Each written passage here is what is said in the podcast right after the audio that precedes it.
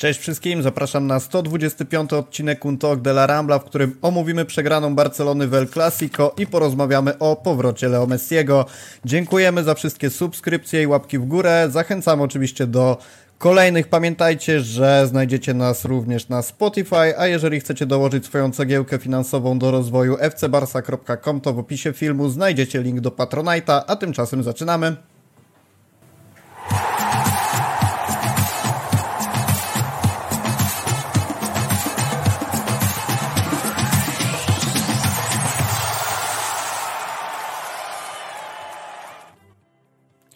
Cześć, dzień dobry wszystkim raz jeszcze. Maciej Miko razem ze mną, siemanko. Dzień dobry. Powiedziałeś chwilę temu, jak jeszcze nie byliśmy na żywo, że jesteś w bardzo dobrym nastroju, co mnie trochę zmartwiło, szczerze mówiąc. Będziesz się za chwilę z tego tłumaczył, ale mamy jedną informację dla naszych widzów, ponieważ wczoraj zapowiadaliśmy konkurs. To jest jak najbardziej cały czas aktualne.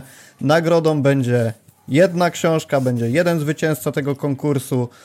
Książka, jak można się domyślać, razem z wydawnictwem SQN podejmujemy się tego zadania, żeby wyłonić e, najlepszy komentarz. Za chwilę powiem dokładnie o co chodzi. Natomiast Barcelona versus Real, wrogowie, którzy nie mogą bez siebie żyć. Wydanie drugie, czyli aktualne, zawierające e, najnowsze informacje odnośnie do tej pięknej rywalizacji. Autor Alf Alfredo Relanio tak jak powiedziałem, wydawnictwo SQN, 488 stron historii tej pięknej rywalizacji. Zasady konkursu są bardzo proste. Musicie zasubskrybować kanał YouTube fcbarsa.com.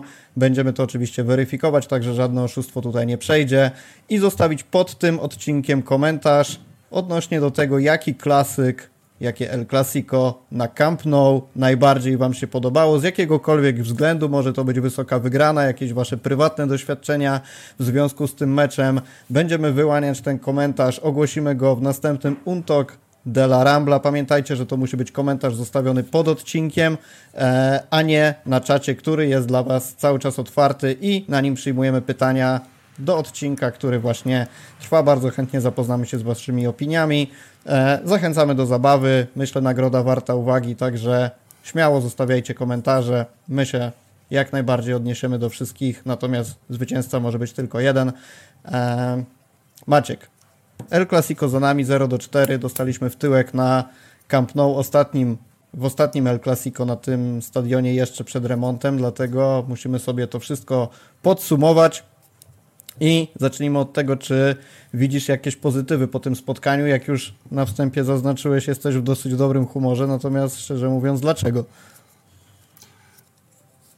To znaczy, może dlatego, że poniekąd e, troszeczkę wydaje mi się, że takie mecze e, dają tej drużynie trochę więcej niż te zwycięstwa w minimalnym stylu, e, wymęczone nawet, czy, czy nawet trochę lepsze, które nie przekonywały.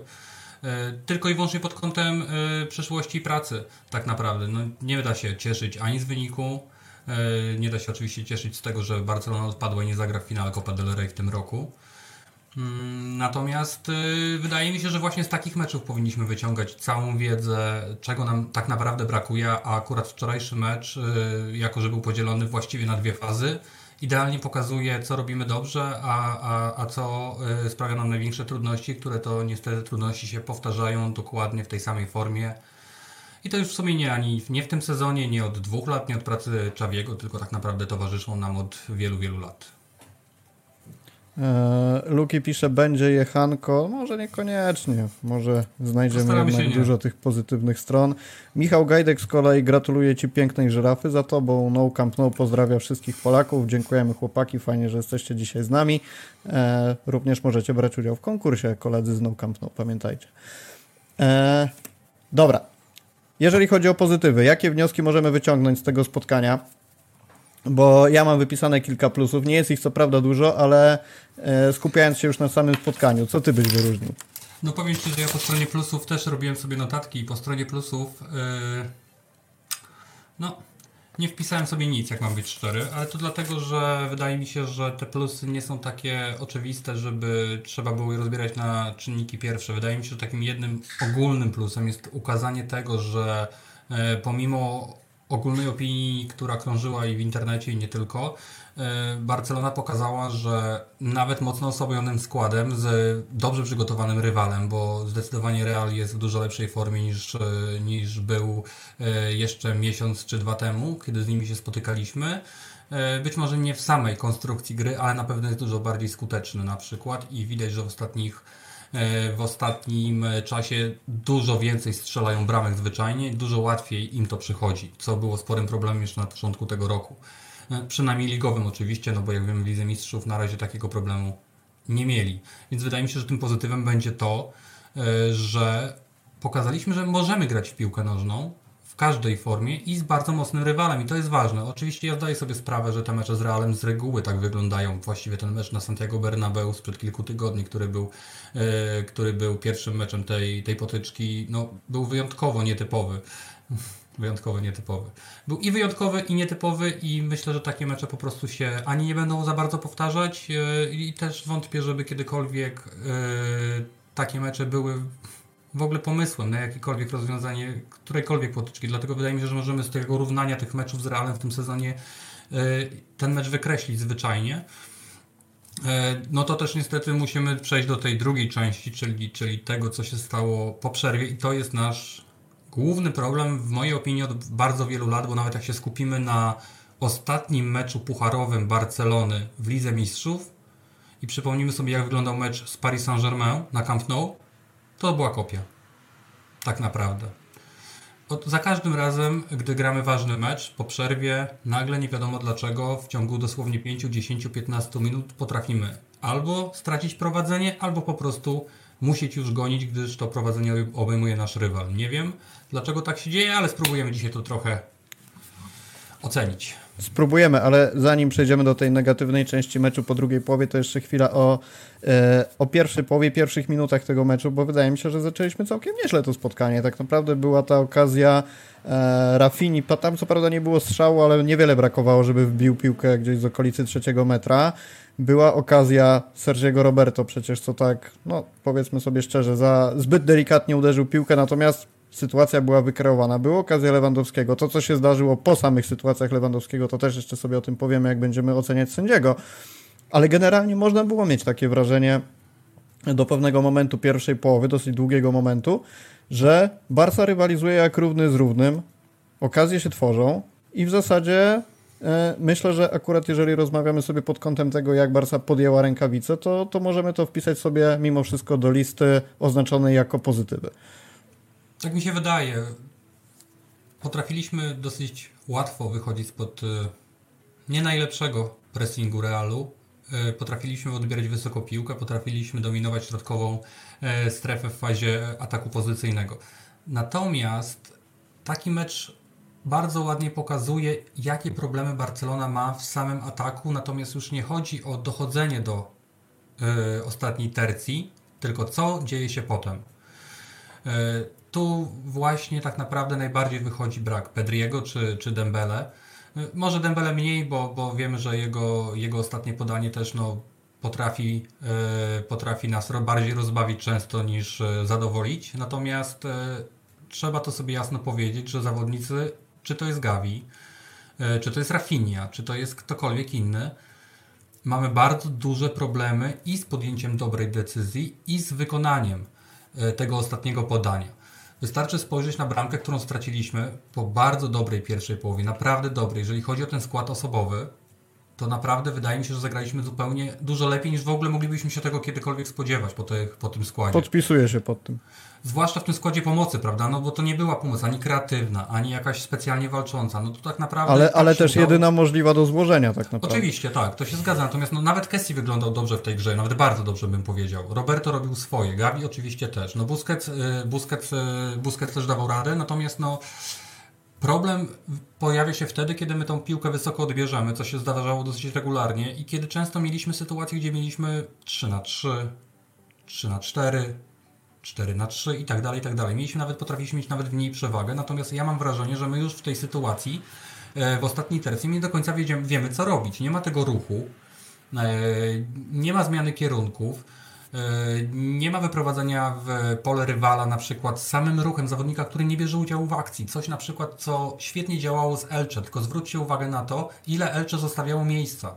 Gdy skupimy się na bramkach, które strzelaliśmy w lidze kilka dni temu, każdy strzał został oddany z, praktycznie z pozycji, która była nieobstawiona, prawda? Oni otwierali nam, Elcze otwierało nam każdą strefę, z której my chcieliśmy oddać strzał. I jeśli zwrócimy uwagę, jak grał Real i jak zachowywała się defensywa Barcelony w tym meczu, to właśnie dokładnie to samo się działo.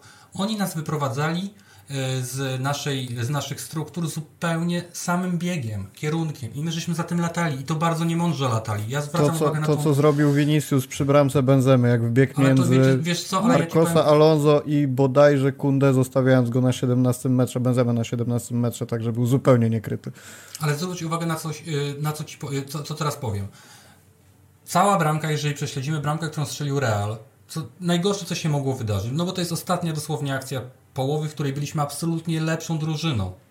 I dajemy im oddech, dajemy im od razu wiarę na to jest najgorszy moment, prawda? Na stracenie bramki zawsze. To nie chodzi o ten mecz. W każdym meczu na koniec pierwszej połowy, zwłaszcza drużyna, która ma wynik i go straci, to jest coś, co się może najgorszego stać. No i to się oczywiście stało, no i oczywiście my na to zareagowaliśmy negatywnie. No to jest niestety znana sytuacja, nie będziemy na razie o tym mówić. I teraz mamy sytuację, w której e, Robert oddaje strzał, no gdzieś tam Będziemy pewnie jeszcze o tym rozmawiać. Gdzieś tam się będą ludzie doszukiwać na pewno jakiegoś przewinienia. No, powtórki nie otrzymaliśmy w tempo. Właściwie ja do tej pory nie widziałem powtórki, która by mi tą sytuację jakoś bardzo rozjaśniła, no ale to już zostawiamy na razie. E, I przy piłkę przejmuje Gavi. I właściwie zupełnie niepilnowany Gavi zagrywa w miejsce pola karnego, w którym nikogo nie ma. W którym są obrońcy Realu. To podanie po prostu jest nieprzemyślane, jest złe. I jeżeli my wiemy doskonale, że Real z takiej konstrukcji szybkiego ataku żyje po prostu niemal, że my ich nigdy nie dogonimy, to my zagrywamy takie bardzo ryzykowne piłki w środek, nogą Gawiego w tym wypadku, ale tylko, nie tylko on robi takie rzeczy, zupełnie w strefie, w której nie można osiągnąć żadnego, żadnej korzyści tak naprawdę. No ale powiedzmy zostawiamy to i znowu mamy. I, to jest, I dalej to już idzie tylko sekwencja błędów. Mamy pierwszy błąd przy podaniu. Idzie kontra. No Alonso no nie wiem, ja Mógł od dziecka skasować. pamiętam, że zawsze się mówiło, że jeżeli zawodnik w takiej sytuacji nie fauluje, i nie, oczywiście nie mówimy o jakimś brutalnym faulu, wejściu ślizgiem, bo on tego nie musiał robić. On łapiesz go w pół, przewracasz na ziemię jak zapaśnik, dostajesz żółtą kartkę i lecimy dalej. No to, to jest błąd y, szkolny, to jest błąd, y, którego y, nie popełniają dzieciaki tak naprawdę, które już się tego uczą nastolatkowie, żeby takie rzeczy wiedzieć, żeby takie rzeczy robić. No ale lecimy dalej. No i wchodzi ten Vinicius, pole karne jest 2 na 2 praktycznie można powiedzieć. Benz wchodzi od prawej strony. Kunde i Araujo stoją w linii. Minimalnie, gdyby się troszeczkę przesuwali bliżej Viniciusa, to pewnie by złapali Benza na spalonym, no ale to było dosyć trudne w tej sytuacji, nie było sensu takiego ryzyka podejmować. No, tylko, że problem polega na tym, że gdy piłka idzie do Benzemy, którego nie ma, wyrzuca go z tego, z tego placu, to nagle się okazuje, że i Kunde, który akurat stał w tej strefie i to jest jego zawodnik, idzie za nim, ale z jakiegoś dziwnego powodu Araujo też za nim idzie. I on oczywiście oddaje tą piłkę do Viniciusa, który jakimś flakiem kompletnym rzuca piłkę koło Der Stegena. Kunde jeszcze próbuje ją wybić. Araujo nie wie, co ma robić. No powiem wam, że to bramka jest kuriozalna kompletnie i nie można zwalić takiej bramki na to, że my gramy ofensywnie. Bo już widziały, że pojawiały się takie komentarze, że gdybyśmy się zamurowali, postawili autobus, to by takiej kontry nie było. No nie byłoby takiej kontry, to się zgadza. Natomiast zwróćmy uwagę, co się dzieje zaraz po przerwie. My po przerwie wychodzimy jak drużyna, która wyszła na Santiago Bernabeu. Zaczynają się problemy, nie możemy znaleźć nikogo do podania, nie możemy uwolnić się zupełnie z jakiejś strefy. I teraz zwróćcie uwagę na bramkę na 2-0. Ja sobie to wypisałem specjalnie, powiem wam. W momencie, kiedy akcja jest skasowana i Barcelona ma piłkę, jest ośmiu zawodników w polu karnym lub w jego okolicy Barcelony. Piłkę przy nodze ma Gavi na pozycji yy, Alejandro Balde. Z tej pozycji mniej więcej ma piłkę, którą niecelnie wybija. I teraz mamy ośmiu zawodników Barcy w okolicy pola karnego, trzech zawodników Realu w polu karnym i dwóch dookoła. Nikt nie ma szansy dojść do piłki. I my z takiej struktury, gdzie mamy ośmiu zawodników, plus oczywiście Mac, za linią piłki, no to jeżeli Gavi rozgrywa z pozycji lewego obrońcy, no to komu on ma tą piłkę zagrać? No nie da się, my żeśmy się cali cofnęli całą drużyną, więc jedyne co można zrobić, to ją wybić po prostu gdziekolwiek. No ona no, oczywiście zostaje wybita, jest wybita za krótko. Tam główka chyba Militao, jak się nie mylę, y, wygrywa Militao z Lewandowskim, y, który też nie ma pozycji, żeby tą główkę wygrać. Przekazuje ją za chwilę do, do, do Modricza i to się zaczyna dziać, prawda? I przegrywamy nagle w ciągu 4 minut, kiedy przez dwie minuty dosłownie nie, domino, nie dominowaliśmy tej gry. Wyszliśmy na tą drugą połowę w zupełnie innym nastawieniu niż na pierwszą. Z jakiegoś dziwnego powodu. Ja tego nigdy nie zrozumiem, o co tu chodzi. I tracimy drugą bramkę i koniec meczu. Potem co się dzieje, to już jest bez znaczenia. Ten karny, czy to, był, czy to wcześniej był rzut rożny, czy nie był rzut rożny. Oczywiście my wiemy, że był. Ten faul Kessiego bezmyślny za chwilę i tak dalej. Ale to już nie ma znaczenia, bo my byśmy tego nie odwrócili, bo my byśmy stali tacy tam posrani, że tak powiem. Kiedy straciliśmy drugą bramkę i byliśmy na minusie i my, i my musieliśmy atakować, to my się od razu jakby gubimy w tym wszystkim. Ja nie rozumiem atakowaliśmy 45 minut, właściwie tylko atakowaliśmy albo próbowaliśmy zaatakować. I nagle wychodzimy na drugą połowę, kiedy my potrzebujemy bramki i to atakowanie miałoby sens, to my się zaczynamy zamykać. I oczywiście ten efekt jest odwrotny. My tracimy od razu kontrolę nad tym meczem, tracimy od razu bramkę, za chwilę drugą, jest po meczu, jest 50 minuta, tam 55 i można wychodzić do domu. Już nic się nie wydarzy w tym meczu. Ale wiesz co, jak sobie prześledzimy to, co pisali kibice po tym spotkaniu, to właśnie bardzo dużo opinii, w zasadzie przeważająca większość była taka, że kluczowe w tym wszystkim było to, jak zawodnicy wyszli na drugą połowę po przerwie i znowu były te powroty między innymi do meczu na Enfield, gdzie wiesz, no tam na podstawie serialu wiemy, co się dokładnie działo, jak bardzo załamani byli piłkarze i były takie głosy, że być może tu wydarzyło się coś podobnego, bo masz jakieś tam demony przeszłości, że nie jesteś w stanie rywalizować z lepszą drużyną mentalnie i tak dalej, i tak dalej. Natomiast no właśnie, co twoim zdaniem było takim głównym powodem tego, bo znowu, jest taktyka Ancelottiego, który poniekąd na pewno zaskoczył Szawiego, bo, bo my wszyscy byliśmy zaskoczeni tym, że Kamavinga zaczął to spotkanie, że Rodrigo zaczął to spotkanie e, od, od pierwszej minuty. Kamavinga je dokończył, zresztą miałem wrażenie, że, że on gdzieś tam w okolicach tej trzeciej, piątej minuty, nie wiem, która była dokładnie, ale zejdzie z murawy. E, więc to jest pierwszy czynnik. Drugi to jest właśnie ten przysłowiowy mental, który mógł po raz kolejny dać się znaki, a w zasadzie jego brak i, i zderzenie z tym, że Real ma go na bardzo wysokim poziomie. A jeszcze z trzeciej strony, o tym też pisze duży na czacie, niesamowite było, że tak wybrakowana pomoc Barsy z tak wolnymi piłkarzami sprawiała, że najlepsza pomoc świata Realu nie mogła wyjść z piłką w pierwszej połowie. Czy rzeczywiście tak było, czy nie? Czy jednak nie nadzialiśmy się trochę na to, że Barsa była zbyt wybrakowana w zasadzie na każdej pozycji, bo mówimy o obronie, mówimy o pomocy, w pomocy w zasadzie o dwóch zawodnikach, Pedri i Franki, w ataku Dembele. E, w czym upatrywasz takiej głównej przyczyny według Ciebie tego, że Barsa aż tak dała się stłamsić? To znaczy oczywiście, y, gdy sytuacja się zmienia na niekorzystną, y, no to wiadomo, że wtedy dużo trudniej jest e, taki, taki mecz prowadzić i ci zawodnicy, którzy, którzy po prostu są słabsi, którym brakuje jakości indywidualnej, którzy mogli dobrze wypełnić zadania powierzone im w pierwszej połowie, ale kiedy trzeba było dać coś więcej, coś od siebie, e, no to czy to jest Sergio Roberto, czy to jest e, Frank Kessie, czy, czy ktokolwiek inny w, na boisku, no to wiemy, że to są, to są rzeczy, które nie sprawiają ogromne, ogromne trudności, prawda? No wiemy, że tymi zawodnikami, którzy robią coś z niczego, to jest Dembele, to Rafinha oczywiście może być, ale on jest raczej zawodnikiem, który to zrobi z zagraniem, prawda, z ustawionej piłki, z przygotowanej, z jakiejś akcji kombinacyjnej. E, no i jeżeli ich brakuje, jeżeli brakuje stworzenia tych przewag, ja sobie nawet zapisałem, żeby było śmiesznie, bo dużo się mówi o pojedynkach. I ja wam Głównie powiem... Kamavingi z Rafinią. Chodzi mi o to, że w tym meczu Real Madrid wygrał, jeśli się nie mylę, bo chyba jednak nie zapisałem, 50 pojedynków, yy, a Barcelona 41. Problem jest w tym, że my nie wygrywamy pojedynków ofensywnych. To znaczy, kiedy my jesteśmy w ofensywie. Bo bronić potrafimy. To wiemy. Natomiast jeżeli my stawiamy znowu wszystko yy, na tej obronie, no to ona musi pękać. Nie ma wyjścia. Zobaczcie. Po meczu na Santiago Bernabeu yy, najlepszym obrońcą Barcelony w tym meczu był yy, Jules Koundé. Grając w pozycji środkowego obrońcy, czyli tej swojej klasycznej powiedzmy wczoraj można powiedzieć, że był najgorszym piłkarzem tej obrony. No, najgorszym był Alonso oczywiście, ale oni obaj popełniali fatalne błędy. Ale wiesz co, patrząc w skali tego, czego oczekujemy po nim i, i po Alonso, to ja myślę, że jednak wskażemy na Kundę, bo no poza no tak, tymi to, takimi oczywiście. oczywistymi błędami, gdzie dawał się wyprowadzać w pole różnym ruchem zawodników, chociażby to, o czym mówiliśmy w kontekście Winiego, że wystarczyło jedno jego zbiegnięcie pomiędzy dwóch obrońców i Kundę był w lesie, no to kilka takich okazji, tam jeszcze między innymi ta z Benzemą, gdzie, gdzie Kunde się poślizgnął, czy coś No takiego tak, no było. ale to znowu, on ma takiego była pecha opcja, że tam był spalony, nie? okazało się, że nie spalony, natomiast no, ewidentny błąd. No ale on ma takiego pecha trochę, bo jeżeli on się pośliźnie, jeżeli on y, niecelnie zagra do swojego bramkarza, co już dwa razy mu się zdarzało w tym sezonie, zresztą właściwie w tym roku mu się zdarzało dwa razy, to on ma po prostu pecha, bo jeżeli on popełni błąd, to ten błąd się kończy golem. I najczęściej golem, do którego on jest bezpośrednio przyczyniony, tak naprawdę.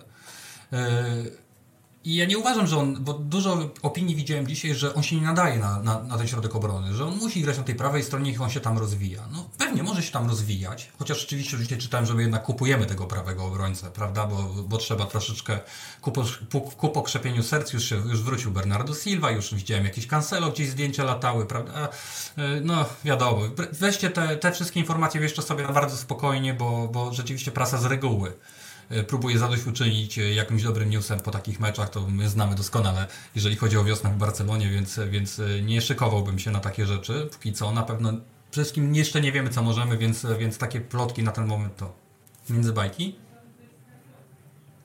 A przepraszam, zgubiłem główny wątek teraz. O czym mówiliśmy? O Kunde. Aha. Yy, więc ja uważam, że no, oczywiście, że on może grać na pozycji środkowego obrońcy, tylko my musimy też podjąć jakąś decyzję.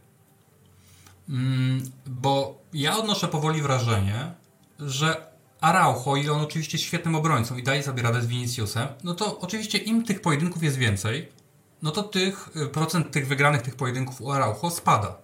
No, siłą rzeczy nie jest w stanie takiego zawodnika cały czas przypilnować. Wiadomo, że on ma duże, no, pewnie być może jest najlepiej kryjącym Viniciusa zawodnikiem, czyli, ale to nie oznacza, że on będzie te pojedynki, te pojedynki cały czas wygrywał z nim. Przecież Vinicius i miał dużo miejsca potem już.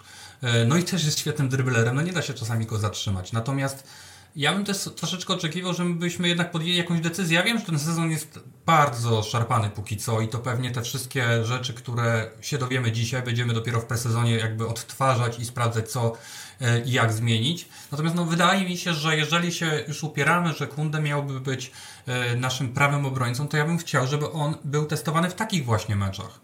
E, Bo wychodzi na to, że e, Jules Koundé gra cały czas na prawej obronie, a na najtrudniejsze mecze nagle staje w środku. Prawda? Kiedy ten mecz jest najtrudniejszy. Wiesz co, nie, No, wiem nawet, prawda. nie wiem nawet, czy na trudne mecze, czy konkretnie na mecze z Realem, bo... Czy po prostu, no, no ale Nie jeżeli chodzi przypominam o sobie, żeby Hiszpanię, jeszcze nie ma gdzieś był ten trudniejszego zabieg. meczu, prawda? Ja No tak, wiem, ale tak, tak. y, jeśli chodzi o samą Hiszpanię, no trudniejszego meczu nie masz. Czyli na najtrudniejszy mecz w Hiszpanii, jaki może Barcelona rozegrać, Kunde wraca na pozycję, na której w Barcelonie praktycznie w ogóle nie gra. Nigdy. No to też jest trochę tak, że jeżeli człowiek ma inne trochę zadania, inną rolę, inaczej ustawia się do yy, chociażby do yy, pułapki offside'owej. Yy, gra wyżej przede wszystkim, pra- prawda? No gra, jeżeli gra na, jeżeli gra na boku, gra troszeczkę wyżej. Yy, inaczej czuje przestrzeń za plecami. Yy, Inaczej może się lub nie może się spodziewać się sekuracji. Pomaga mu, powiedzmy, skrzydłowy yy, Rafinha może go obiec. No jakby inaczej się gra po prostu na tej pozycji zwyczajnie, to jest logiczne. No, wiadomo. No jeżeli on na ten jeden, jedyny mecz wychodzi na środku obrony, no to on może zagrać mecz najlepszy na świecie, tak jak zagrał na Santiago Bernabeu, a może zagrać słaby, tak jak zagrał wczoraj. I wiesz, i ja bym naprawdę oczekiwał, żebyśmy naprawdę, ja mamy mocną obronę. Mi się wydaje, że my nad obroną nie musimy tak dużo pracować już teraz. My możemy się zająć tym przechodzeniem do, do ataku, jeżeli chodzi o tą pracę. Ja bym tak sobie życzył, bo obronę już naprawdę mamy taką, że my się nie musimy bać tej obrony, tak jak O kiedyś. ile że- jest, o ile jest w pełnym zestawieniu no personalnym. jak, wiesz, ale jak widać, no ale zobacz, no wczoraj tak naprawdę, mimo tego, że była jaka była, powiedzmy, no bo to jest tylko Alonso oczywiście, e, na wymianie, e, e, no, no to przecież pierwszą połowę grała bardzo dobrze. I to też nie jest tak, no przecież zawsze musimy się liczyć z tym, że ktoś może wypaść. Nie możemy zakładać, że będziemy mieli tak silną kadrę, że nigdy nie będzie utraty przy jakiejś kontuzji podstawowego zawodnika. Zawsze tak będzie. Nie, Nigdy no, nie będziesz miał takiej wiesz, drużyny. jasne, to nie jest chodzi- mi o to- no.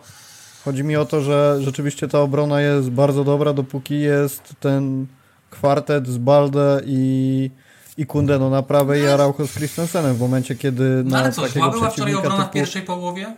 Zła była obrona w pierwszej połowie, dopóki my graliśmy w tą piłkę wyżej i ta obrona skupiała się na graniu w obronie, a nie na wybijaniu, na kombinowaniu, jak tu piłkę rozegrać. Jest takie piękne zdjęcie, wydaje mi się, widziałem dzisiaj w internecie, gdzie Busquets stoi mniej więcej na własnym e, e, 16-17 metrze, tak e, właściwie na takim kwadraciku, prostokąciku 10 wszerz, 2, 3 do tyłu, stoi ośmiu kolegów i on stoi No i co ma z tą piłką zrobić? No przecież albo może dać lagę na Robercika czy na Rafinie, no, no wycofać już jej nie może, no może do boku ją rozegrać. Więc ja bym też się chciał skupić, żebyśmy my też skupili się na tym, żeby formacje miały swoje zadania konkretne i je wykonywały. No ale jeżeli my potem ściągamy całą na przykład pomoc yy, do linii obrony, czy na linię pola karnego, no to kiedy my tą piłkę przejmujemy, a przecież, przecież tych przechwytów jest non-stop z każdej strony pełno. No to my nagle przejmujemy nawet tą piłeczkę, no i co dalej? Real się dobrze ustawia, Real to nie są dzieciaki gdzieś tam zesi. Oni się dobrze ustawiają, wiedzą co oni mają robić. Oni byli cierpliwi, wiedzieli, że to im się w końcu coś uda. I tak właśnie grali w pierwszej połowie. Tylko, że to, jak gra Real, nas nie do końca powinno obchodzić. Bo my powinniśmy mieć własny pomysł na mecz. I mieliśmy go w pierwszej połowie i to był dobry pomysł. Nie wiem, co się stało po przerwie. Nie wiem. To nie jest, wiem, to jest bardzo ciekawe. Może, może były tam kamery jakiejś, wiesz, yy, jakiegoś Netflixa czy innego Amazona i może kiedyś się dowiemy, jak to rzeczywiście... Oby. Oby, o co tu e, chodzi, chciałbym wiedzieć, bo to już jest zagadka dla Sherlocka Holmesa albo dla Krzysia Rutkowskiego, bo ja już nie wiem, kto to wyjaśni. Ale wiesz co, wyjaśnijmy sobie jeszcze jedną rzecz, bo ja o tym wspomniałem wcześniej, nie podjęliśmy tematu, ale wróćmy sobie do niego jeszcze na chwilę, czyli Rafinha versus Kamavinga. Jak oceniasz to, co się działo na prawej flance Barcelony i, i jak bronił Kamavinga? Bo ja byłem szczerze mówiąc zupełnie zaskoczony nie tyle nawet bezradnością Rafini, bo on już pokazał w tym sezonie, że w, w pojedynkach jeden na jednego wcale nie jest jakimś typowym skrzydłowym i brylującą gwiazdą, że raczej pracuje w obronie, ustawianiem się i tak jak powiedziałeś, dostarczaniem piłki, natomiast w tych driblingach nie jest najlepszy. Natomiast to, jak momentami kasował go Kamavinga, moim zdaniem naprawdę trzeba oddać Ancelottiemu, że bardzo dobrze wyłączył Brazylijczyka z gry. Jasne, nie tylko ze względu na to, że E, Rafinha, znaczy, że Kamavinga był dobry, ale też Rafinha słaby, natomiast mam wrażenie, że w pierwszej połowie zupełnie zamknął tamtą stronę i w pewnych momentach widać było, że to było wręcz kluczowe dla, dla rozwoju akcji, bo tam, gdzie Rafinha próbował zrobić cokolwiek, w zasadzie kończyło się to od razu gdzieś na, nie wiem, 40-30 metrze od bramki. Powiem Ci tak, ja jeszcze kiedyś mówiłem na, na łamach naszego podcastu, my sami tworzymy bohaterów naszych rywali. Bardzo Przecież ładnie ja naprawdę Kamawingi na lewej stronie obejrzałem sporo i o ile Real ma piłkę przy nodze, to on jest bardzo, bardzo, bardzo przydatnym zawodnikiem. On często wchodzi w środek. On, on, to pomaganie Viniciusowi nie, no nie, według mnie nie, nie było jakoś specjalnie widoczne, przynajmniej nie w pierwszej połowie. Natomiast rzeczywiście on umie wejść w środek. On gra, on jest pomocnikiem, więc umie grać tą piłkę. Nie ma z nią problemów żadnych. Prawda? Jest dynamiczny, jest szybki, jest zdecydowany. Y, lubi walczyć. Natomiast no, on nawet z tym, y, z tym naszym Rafinią pojedynki przegrywać potrafił, na samym początku przynajmniej. Y, potem się troszeczkę położył, potem wstał. Tylko zobaczcie, mm, jak my jesteśmy przewidywalni. Zwróćcie uwagę, jak Real Madryt rusza się w fazie ataku nawet pozycyjnego, bez piłki i to kilkoma zawodnikami, bo my często chwalimy za bez piłki, na przykład Ferrana chwaliliśmy w zeszłym sezonie. I super, tylko że co z tego, że jeden zawodnik biega bez piłki? Wszyscy powinni biegać. Zobaczcie, gdzie jest Benzema, gdzie jest ktoś. Tylko, że oni nie biegają w strefy, w które im się wydaje, że są potrzebni. Tak jak Robert zbiegający na skraj, y, na, na, na skraj własnej połowy na przykład y, i stający tam i nagle próbujący rozegrać piłkę. Ale po co?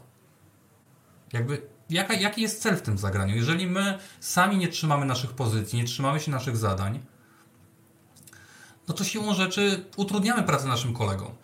Jeżeli widać było, że Rafinha ma duży problem z wygrywaniem pojedynku. Po tych pierwszych 10-15 minutach, gdzie ta Barcelona próbowała coś pchać tą stroną, e, to on te pojedynki po prostu nawet nie zaczął przegrywać, no on nawet do nich nie podchodził specjalnie. Te jego pi piłki różne zagrane były nieprzygotowane, często oddawał piłkę do tyłu czy, czy do najbliższego. No ale skoro widzimy, że taka sytuacja się dzieje, to czemu na przykład nie zmienimy go na 10 minut z Gawim, który przecież jest dużo bardziej dynamiczny, którego można, przecież mogą rywale sfaulować blisko pola karnego, a może w samym polu karnym, a może po prostu wyżej odbierze piłkę. Jesteśmy szalenie przewidywalni. E, ja, gdy ja oglądam nasze mecze, to my, ja mam wrażenie, że my jesteśmy, już żeśmy to o tym rozmawiali, prześledzić całą akcję, podanie po podaniu, co się wydarzy. I to tylko zależy, jak to szybko zostanie wykonane, lub jak zawodnik ten finałowy, na przykład wejście Balde było bardzo ładne z wczoraj, takie fajne, gdzie już za, nie miał za bardzo co z piłką zrobić, już przy samej linii był bardzo blisko bramki.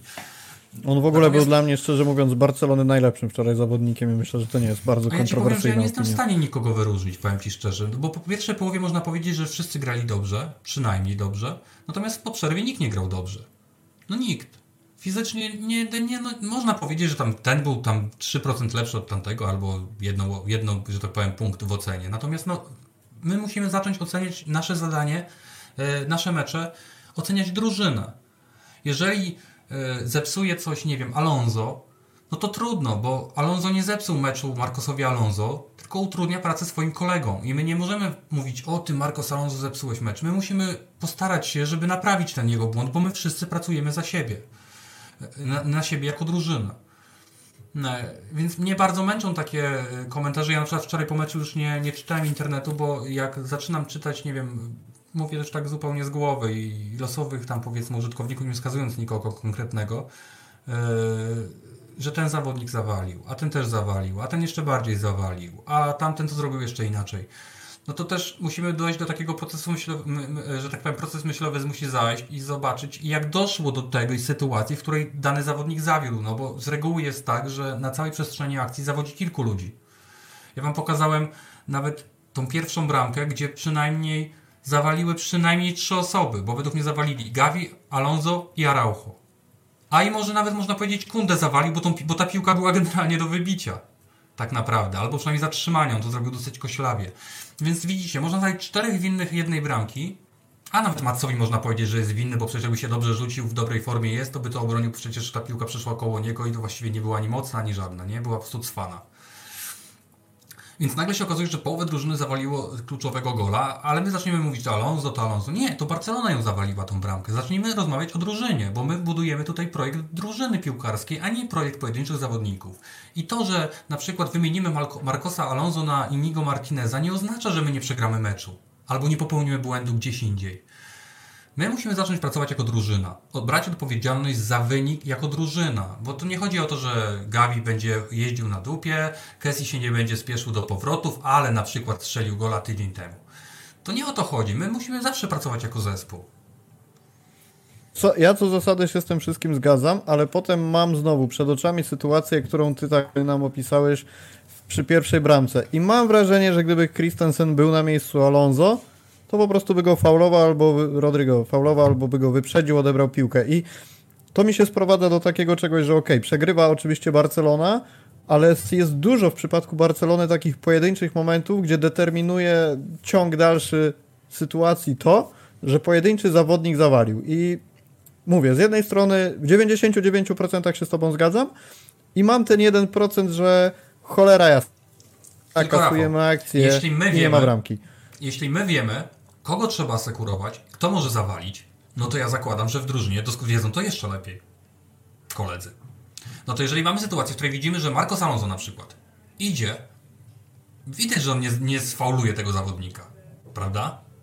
No to jak kolega Kessie może w takim tempie biec e, do powrotu, kiedy my widzimy, że idzie w pojedynek zawodnik, który jest szybki, dynamiczny, świetnie drybuluje i rozpędzony Alonso, który się zaraz tą piłką po prostu minie. Rozpędzony. No, rozpędzony. A za, a, za, a za nim 10 metrów biegnie Kessie. I sobie truchta. No mówię, to się, to się mieści. To właśnie o to chodzi, wiesz, nie pracujemy za siebie. Wiesz co ci powiem?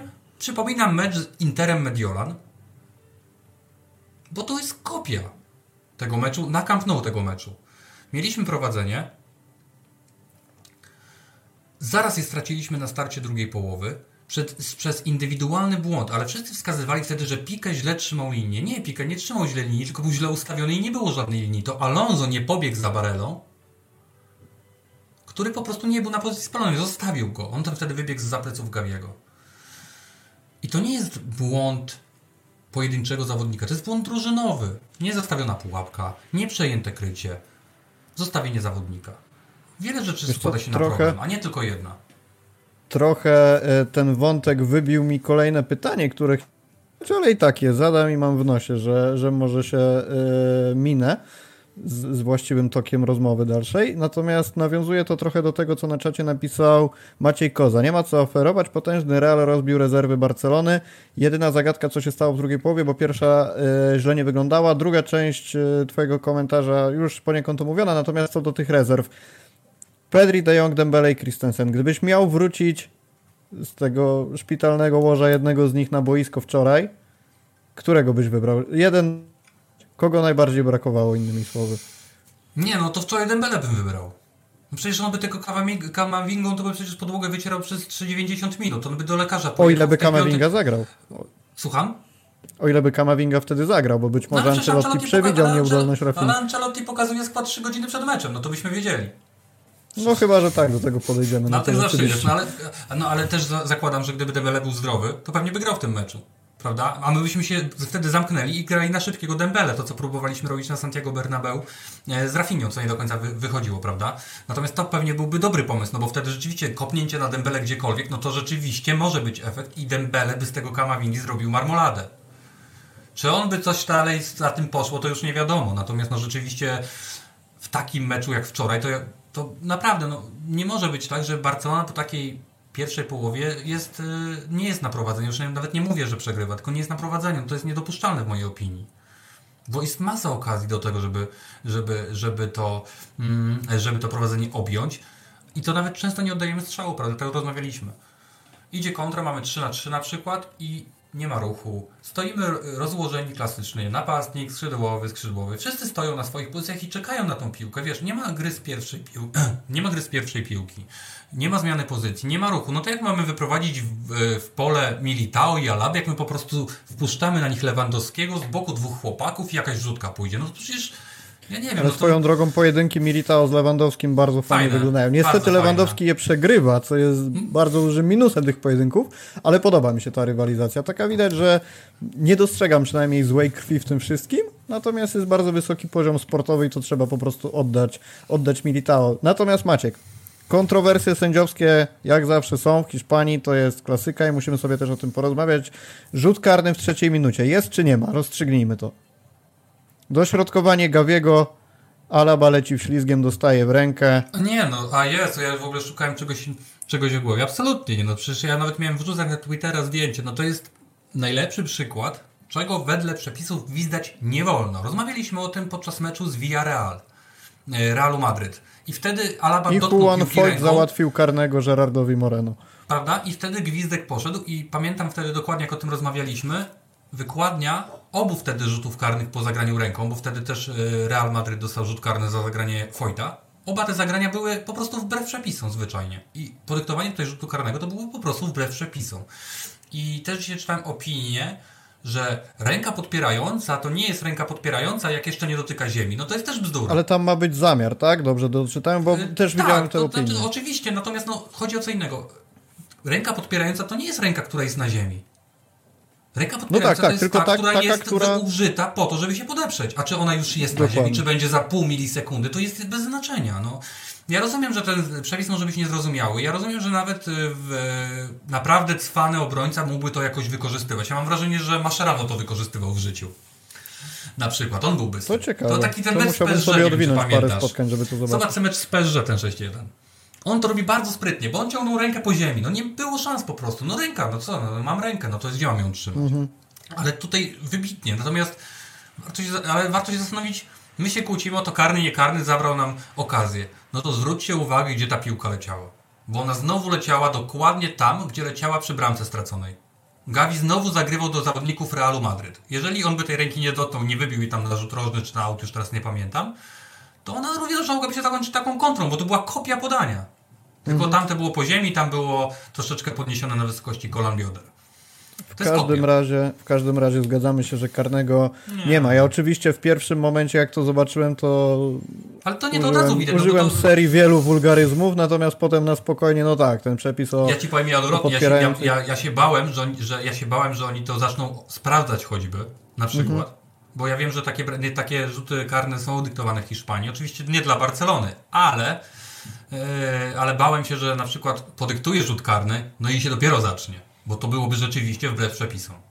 Ale trzeba stwierdzić jedno, że mam wrażenie, jakby sytuacja była w drugą stronę, to znaczy ktoś z Realu nabiłby tak powiedzmy Marco Alonso i tak dalej, ci, to byśmy oglądali na Twitterze powtórki, wyliczenia, screeny, wideo, wiesz, Znaczy, to na z każdej możliwej Mhm. kamery, tak jak miało to miejsce w przypadku spalonego w, w tym spotkaniu ligowym. Ale E, wiesz, was- najlepsze jest to, że y, cały świat wie, że tam spalony był spory, ale ta narracja w Hiszpanii to i tak została utrzymana, że minimalnie, minimalnie i w sumie to tak naprawdę powtórka nie wiadomo. No, dokładnie.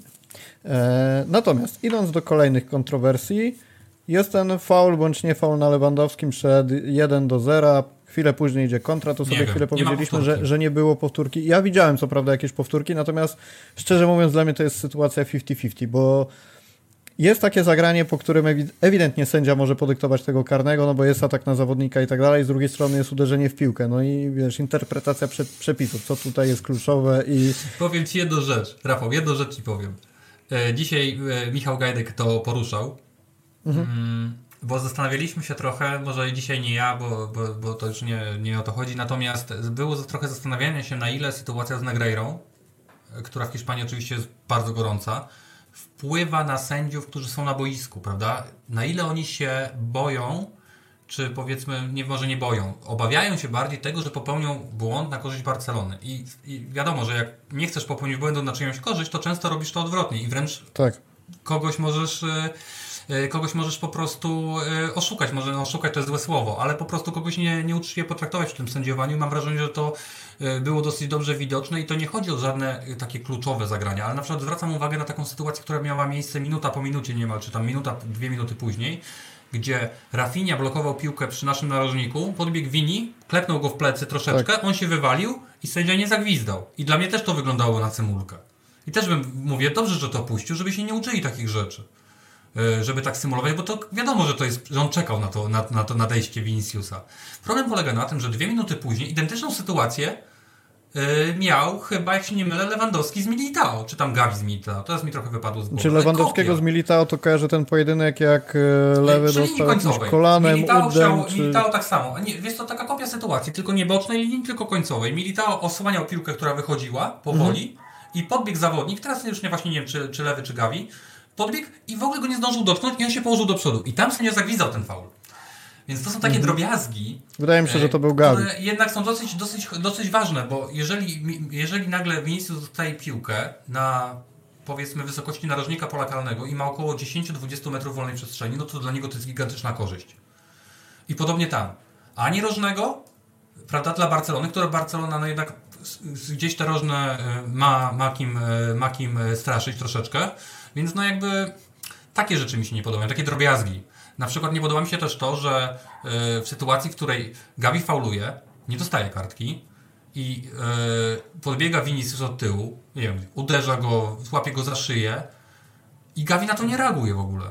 Dopiero po jakimś czasie, kiedy on znowu to za tą piłką jeszcze próbuje wybić, coś tam krzyczy do niego, to Gavi tam się wnerwia i gdzieś tam go macha ręką. Ja wiem, że Gavi ma swoje za uszami, to nie o to chodzi. Tylko tym za co tu mamy dwie żółte kartki? Za co tu mamy dwie żółte kartki? No przecież mamy jednego agresora i drugiego kogoś, kto w ogóle nie brał w tym udziału tak naprawdę. I dopóki jakby ten e, prowodyr zajścia nie e, podkręcił jeszcze bardziej, no to Gavi w ogóle przecież nie miał żadnego zamiaru e, brać z nim jakiekolwiek rozmowy, prowadzić, w ogóle się od niego odwracał, nie patrzył na niego, prawda? No więc jakby to są takie drobiazgi, które jednak wybitnie przeszkadzają w odbiorze meczu i to są te rzeczy, które można powiedzieć być może wpływa cała ta afera, o której my teraz dużo czytamy. I teraz powiem Ci jedną rzecz a propos tej ważnej akcji.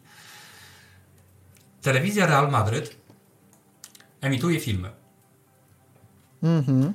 Emituje filmy na sędziów. Mocno propagandowe. Tak, teraz robi to awansem. Kiedyś czekali na koniec meczu, teraz robią już przed. Zgadnij, jaka sytuacja w filmie przed klasykiem była pokazana. Słynna sytuacja z ręką Militao w polu karnym. Gdzie Wiem, idzie wiem o kontra której sytuacji. To nie był mecz z tam Sevillą idzie kontra. Słucham? Z Sevillą. Ten, I to bardzo ważny mecz z Sevillą. I tam idzie kontra. Benzema jest faulowany w polu karnym i sędzia pokazuje rzut karny. Warto odwija i wracamy do sytuacji, gdzie e, sędzia uznaje, że Militao zagrywał piłkę ręką i karnego dostaje Sevilla. No to teraz i, to pokazuje klubowa telewizja Realu Madryt chwilę przed klasykiem sędziowany przez tego samego sędziego. I zwróć uwagę, o jakiej sytuacji mówimy. O sytuacji, w której być może był faul w polu karnym, który w wyniku nieodgwizdania tego karnego, czyli kopia sytuacji z, z meczu z Sevillą, Real strzela bramkę. No tam dostał e, korzyść w postaci rzutu karnego, nie było tej bramki jeszcze, natomiast tu dostaje bramkę. I teraz wyobraź sobie, że sędzia, który dopiero co został e, wyemitowany w klubowej telewizji jako ten złodziej, który ich okradł, identycznym gwizdkiem. Zwłaszcza, że tam akurat w tamtym, tamtej sytuacji nie było żadnych wątpliwości, bo wtedy Militao skakał w ten sposób z rękami przecież. Prawda? I odbił sobie gdzieś tak patrząc tam, tu odbił ręką. No, w tamtym meczu były też inne ręce, więc ja rozumiem piłkarzy, y, kibiców Realu, że y, nie rozumieją czasami czemu akurat ta ręka to jest ręka, tamta ręka to już nie była ręka, bo nikt tego nie rozumie. To okej. Okay. Myślę, Natomiast... że nawet my czytając przepisy nie do końca czasami wiemy, dlaczego coś no zostało więc, podyktowane, no więc, więc teraz zobacz. rozumieć. I teraz ktoś mi tam tłumaczy, gdzieś dzisiaj czytałem ze strony kibiców Realu Madryt, że przecież każdy ma prawo mówić co chce, uważać i że się cieszą, że, że, że telewizja klubowa nie pozostaje jakby bez odpowiedzi na y, niesprawiedliwe traktowanie ich klubu. No i masz no. sędziego, który został wyemitowany w telewizji jako złodziej, wyemitowany jako człowiek, który celowo y, przeszkadza Barcelonie. Gdzieś pod, y, pod spodem cały czas ta narracja, że Barcelona te mecze kupowała przez dwie dekady. I teraz ma identyczną kopię sytuacji. I ja bym się wcale nie zdziwił, gdyby on nawet nie chciał tego oglądać. On nawet nie chce wiedzieć. On już to Ale puścił. chyba nie jesteś w stanie przy takim przepływie informacji w dzisiejszym świecie w ogóle nie dowiedzieć się o tym, że, że taki film został wyemitowany. No oczywiście, że tak. Natomiast ja jestem przekonany, że on o tym wie. No nie wierzę w to, że do niego to nie dotarło na przykład, że ktoś mu tego nie powiedział. No to są znani ludzie, znane nazwiska. No one latają cały czas w sieci. No przecież my sami o nich y, je powtarzamy wielokrotnie przed meczami nazwiska sędziów. No wiesz, no oni żyją w tej Hiszpanii, wiesz. No to tak jak gdybyś siedział teraz tutaj i y, emita, telewizja Legii by wyemitowała o Frankowskim. Jak to ich wali, nie? A potem pokazują jedną konkretną sekwencję idzie mecz Legii, jest ta dokładnie konkretna sekwencja, o której 5 minut temu mówiono. w głowie, no. no. No wiesz, no to jest jakby logiczne i to nawet nie mówię, że to, że on celowo zrobi coś źle, tylko jeżeli on dostał ileś tam zjeb, powiedzmy, bo na pewno dostał, mm, za tamtą sytuację, no to teraz, żeby wrócić, zrobić identyczną sytuację nagle i to jeszcze w klasyku, w takim momencie, w takim meczu, no to przecież on się będzie bał to on nawet jakby tam był faul i by cały świat go widział, to wcale by się nie zdziwił, gdyby się bali odwinąć taką sytuację, prawda? Bo gdyby on to zrobił w tempo, no to powiedzmy.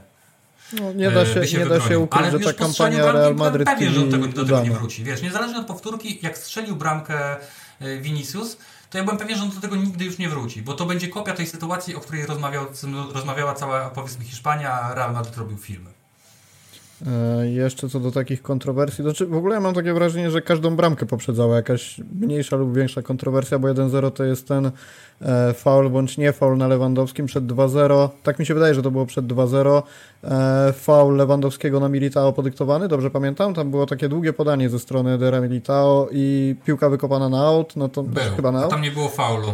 A tam nie I, było faulu. I wydaje mi się, że tam nie było faulu, natomiast no wiadomo, że nie, nie no miało no nie było, bezpośredniego to Militao okay. kopnął w nogę jakimś tam tak. piszczelem, delikatnie muskając dosłownie Lewandowskiego. Tam nie było żadnego faulu, ale Militao dobrze symuluje, powiem wam. Już trochę I go potem, I potem jeszcze przy 3-0, no to dosyć szeroko też było omawiane, no, że rożny. powinien być rzut rożny. Więc jakby wiesz, podsumowując, no nie są to czynniki, które wypaczyły wynik meczu, no bo powiedzmy sobie szczerze, że pierwszoplanowo powinniśmy patrzeć na siebie, natomiast tak jak pisze Maciej Koza, trzeba to sobie powiedzieć, że gwizdanie wczoraj było słabe i ja się pod tym podpisuję. No niestety w tym wypadku było to gwizdanie nie chcę powiedzieć na korzyść Realu, bo wiadomo jak to teraz brzmi, natomiast było kilka takich momentów, że sędzia mógł po prostu Realowi no, mniej przychylnie patrzeć na to. E, mamy też komentarz dużego. A co z kolanem Militao na lewym w pierwszej połowie, po którym lewy leżał dwie minuty na murawie? Militao powinien był schować kolano, a nie wystawiać, mógł zrobić krzywdę. No wydaje mi się, że zrobił krzywdę, bo nawet pojawiły się jakieś opinie na Twitterze, że lewy z dyskomfortem wyszedł na drugą połowę e, na jakichś blokadach. Ja już znam to, na ile, na ile to jest tajne, prawda? Wie, tajną wiedzę dyskomfortu. Tak, na, na ile to jest prawda, na ile usprawiedliwianie tego, że znowu nie zdobył bramki, no to, to już pewnie zostanie w sferze domysłów, ale rzeczywiście ja się zgadzam, że tutaj żółta kartka dla Militao powinna być obowiązkiem, bo bardzo brzydkie wejście. Mi się od razu przypomniała ta kontuzja Neymara, to było na, których, na którymś turnieju międzynarodowym, jak w reprezentacji Brazylii doznał kontuzji. E, nie wiem, czy kojarzysz, tam był jakiś problem z dyskiem po kopnięciu go kolanem w e, plecy. A to nie było przed Copa America w meczu e, z Chile albo z Peru? Nie chcę było właśnie takie zagranie, co go wykre ale... wykreśliło go chyba na dosłownie 4-5 tygodni i on całe Copa America stracił. I to jeszcze tak, Brazylia coś... wygrała to Copa America bez niego. Coś takiego. E, dobra, idźmy dalej, bo mamy jeszcze trochę tematów. Zatrzymajmy się na chwilę jeszcze przy, przy Winim i przy Gawim, bo też bardzo gorący temat. E, jak możemy oceniać Gawiego po tym spotkaniu? Bo ja mam wrażenie, że ten chłopak trochę za bardzo już szaleje i...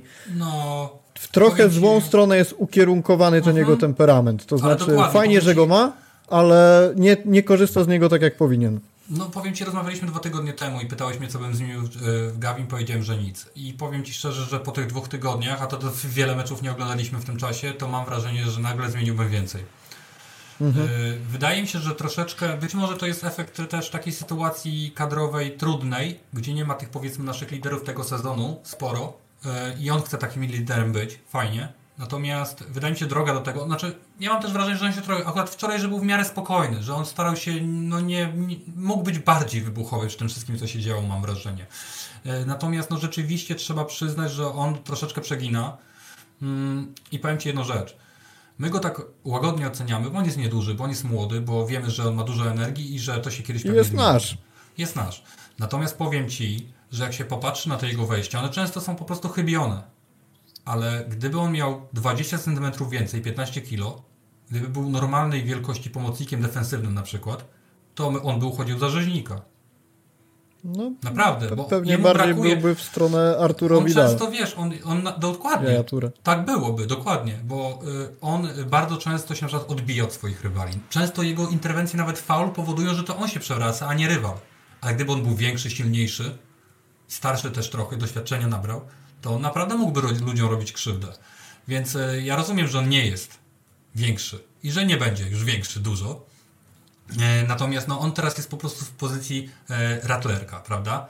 No, natomiast zachowuje się jak pitbull i trzeba pamiętać, że e, to jest dokładnie to samo co u nas. Jeżeli on to robi z jakimś Viniciusem, powiedzmy, no to oni się zaczną przepychać. On nawzajem się wytrącają z równowagi. Tylko jak on próbuje robić takie akcje z Crossem, z Modricem, z ludźmi doświadczonymi, którzy w ogóle nie wejdą z nim w przepychankę, tylko po prostu go ograją którzy po prostu wykorzystają ten jego ruch, którzy naciągną go na kartkę. E, no powiem Ci, fajnie byłoby, żeby, żeby Gavi teraz pracował nad swoją grą ofensywną, bo wydaje mi się, że to będzie jego mm, domena w tym klubie tak czy siak, prawda? Bo wydaje mi się, że on, on jest bardzo żywy i dynamiczny, natomiast ja nie widzę w nim kogoś, komu zaufam defensywnie na przykład. I ja bym się wcale nie zdziwił, gdybyśmy obejrzeli taką sytuację, o ile Messi do nas, e, do nas przyjdzie, to będziemy jeszcze omawiać, że Pedri zejdzie niżej, a Gavi będzie tym pitbullem Messiego. I on powinien. E, Barcelońskim Rodrigo de Polem. Właśnie też nie, kurczę, bo on nie będzie grał tak nisko. On nie będzie miał otwierających podań. Mi się wydaje, że Gavi naprawdę musi iść w rozwój ofensywny. Ostatniego podania, driblingu, uderzenia z dystansu. No cholera, niech ktoś się uczy tego u nas, naprawdę, chociaż ten młody. Bo no wiesz znowu... co, nie kojarzę, nie kojarzę praktycznie żadnej takiej okazji, gdzie Gavi uderzając z dystansu rzeczywiście zrobiłby jakiekolwiek zagrożenie pod bramką, bo kilka prób miał, e, prawa noga, lewa noga próbował, natomiast tak, żeby rzeczywiście miało to jakieś przełożenie na no wiesz, jak my tego nie robimy w warunkach meczowych, to kiedy my się mamy tego nauczyć? Na treningu Generalnie Barcelona, strzelać, no. Barcelona zawsze to mi się kojarzy przy transferach. Jest okno transferowe, przychodzi zawodnik określany mianem dobre uderzenie z dystansu, po czym oddaje takie dwa w pierwszych trzech kolejkach i potem gaśnie. No ale nieważne. No ale wiesz, my musimy, my musimy, my musimy nasz, my musimy nasz, yy, naszą ofertę ofensywną yy, poszerzać, bo wychodzi na to, że tak, nie gramy kombinacyjnie nie dryblujemy krótko. Nie wchodzimy w driblingu w pole karne tylko na szybkości. Balde, Dembele, ktokolwiek to są tylko wejścia na szybkości. Najlepszym dryblerem wczoraj się okazał Araujo jakimś cudem. Znaleziony nagle z prawej obrony po prostu na prawym ataku. I zadryblował najlepiej ze wszystkich, prawda? Czyli ta sytuacja z brakiem rzutu e, rożnego. Hmm, oczywistego. Więc e, my naprawdę poszerzajmy tę gamę. Bo jeżeli my jesteśmy tacy przewidywalni i nawet nie oddajemy strzału z dystansu, nie wyciągniemy trochę tej obrony, prawda? Nie damy miejsca Robertowi, e, żeby w tej strefie środkowej pola karnego się zagnieździł, żeby znalazł sobie trochę miejsca, żeby mógł kogoś odepchnąć w tym miejscu, bo tam ma od razu dwóch, trzech ludzi. Zresztą zwróćcie uwagę na jakiekolwiek dośrodkowanie, na jakąkolwiek sytuację, nawet kiedy my atakujemy teoretycznie wysoko odbierając piłkę, to zanim my dochodzimy do tego dośrodkowania, to my mamy jednego, dwóch zawodników, a rywala jest pięciu, sześciu za każdym razem. Gdy mamy dobrą szansę, to brakuje dokładności, tak jak zabrakło dokładności przy podaniu do Rafini na samym początku, znaczy może dokładności, może momentu na przykład podania. Tam według mnie Rafinia byłby na spalony, bo jemu się tam głowa trochę wychylała. Ja wiem, że ona w tej sytuacji nie miała znaczenia, no ale to też przepisy tego nie, nie określają w ten sposób. Yy, więc naprawdę postawmy teraz, mamy do końca sezonu 11 spotkań, tak dobrze liczę. E, skupmy się na tym, żeby rozwijać grę ofensywną, mm, bo niezależnie od tego, czy Messi przyjdzie, czy będą jakieś transfery, to my zawsze będziemy w sytuacji, w której będziemy tej gry ofensywnej potrzebować i my nie możemy całe życie e, oczekiwać, że ktoś indywidualną akcją zrobi robotę, bo to nie na tym polega piłka nożna, na tym może polegać, nie wiem, siatkówka, kurde, że jest jeden zawodnik, który wszystko robi. E, i to pewnie plażowa jeszcze do tego. Więc Wiesz jakby... co, zostańmy, zostańmy sobie jeszcze chwilę przy Winim i Gawim, bo mamy do omówienia Messiego. Miłosz Mierzejewski pyta, mhm. czy pojawi się podcast o możliwym powrocie Messiego. Za chwilę będziemy sobie o tym rozmawiać. Pewnie nie aż tak super szeroko i poczekamy na jakieś bardziej potwierdzone informacje, ale, ale nawiążemy. Natomiast jeszcze zostając przy Winim i Gawim, e, ekstra szoty. Gawi powinien dostać ojcowskiego liścia od Szawiego.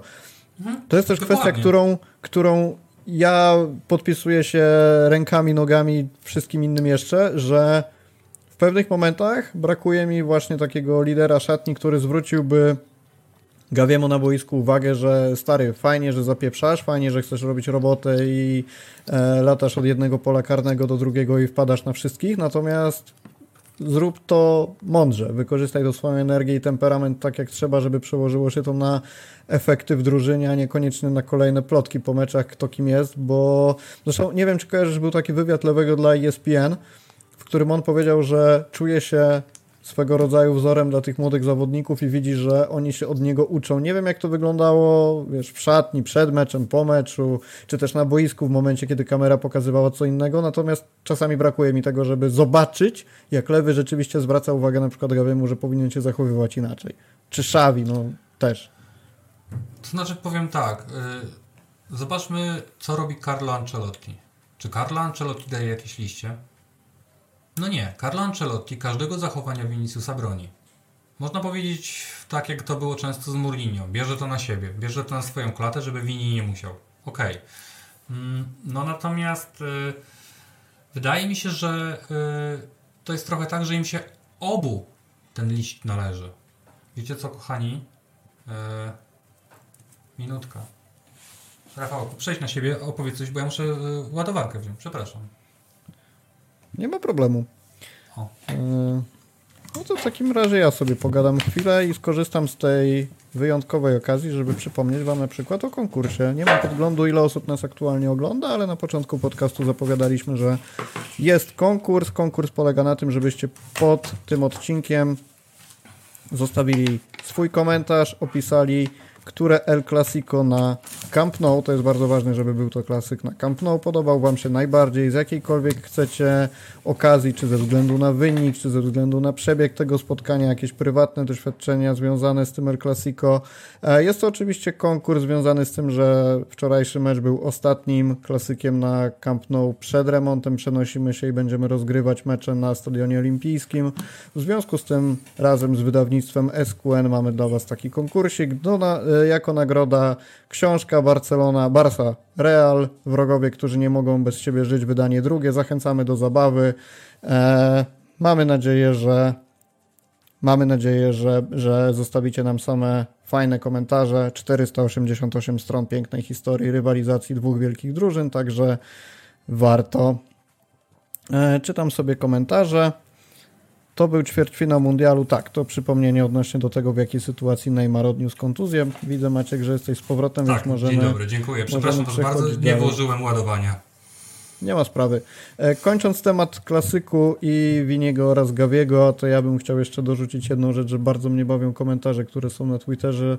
W zasadzie możesz znaleźć jeden pod drugim, że kibice Barcelony bardzo usprawiedliwiają Gawiego, a jednocześnie bardzo brzydko rasistowsko cisną Winiego.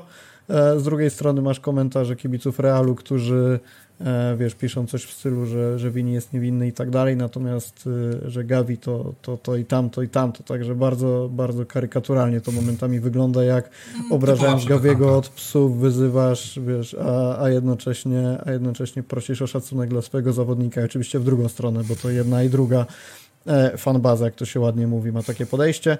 E, ale musimy sobie porozmawiać jeszcze dzisiaj o Messim, także przechodzimy do tego tematu. Klasyk zamykamy. Krótka piłka, jak widzisz szansę powrotu, bo Gerard Romero przeszedł już, już z 60 do 70%. No nie wiem. E, Kilka tygodni temu byłem 100% przekonany, że to jest niemożliwe do wykonania. Ostatnie doniesienia trochę to weryfikują i bardzo ciężko według mnie jest to teraz ocenić. Bardzo ciężko jest zaplanować, e, czy, czy, czy nie wiem, czy ocenić, czy to jest w ogóle możliwe, bo my nic nie wiemy. My nic kompletnie nie wiemy, jak to będzie wyglądać. Nie wiemy, jaka jest sytuacja. Czy na przykład e, UEFA zawiesi Barcelonę, na przykład, a ta się zdąży odwołać, bo to pamiętajmy, że to się musi wszystko wydarzyć do końca czerwca. E, Bo już na przykład załóżmy Barcelona by została wykluczona z europejskich pucharów na najbliższy sezon i nie dałoby się tego zatrzymać w, w Trybunale Arbitrażowym, bo to wszystko właśnie, jak mówię, musi wydarzyć do końca czerwca, bo wtedy się zgłasza drużyny do rozgrywek. No to czy powrót Messiego nadal byłby tak forsowany? Przecież my bez, e, prawdopodobnie bez takiego zastrzyku Ligi Mistrzów, a jak wiemy Barcelona nawet w tej najgorszej formie zarabia na niej 70-80 milionów w ogóle ruszy budowa stadionu. Wiecie, no to są poważne sprawy, y, których my nie jesteśmy w stanie teraz przewidzieć jeszcze. I to nawet nie częst, często nie jest e, mm, e, nawet kwestia samych finansów, tylko podjęcia decyzji w danym momencie. I kto powie, znaczy nie wiadomo, czy taka sytuacja będzie, że my już mamy dogadanego Inigo, dogadujemy się z Gundo, e, jest gdzieś Messi jeszcze w tym wszystkim i jak się nagle okaże, że któryś musi odpaść, no to trzeba będzie zdecydować.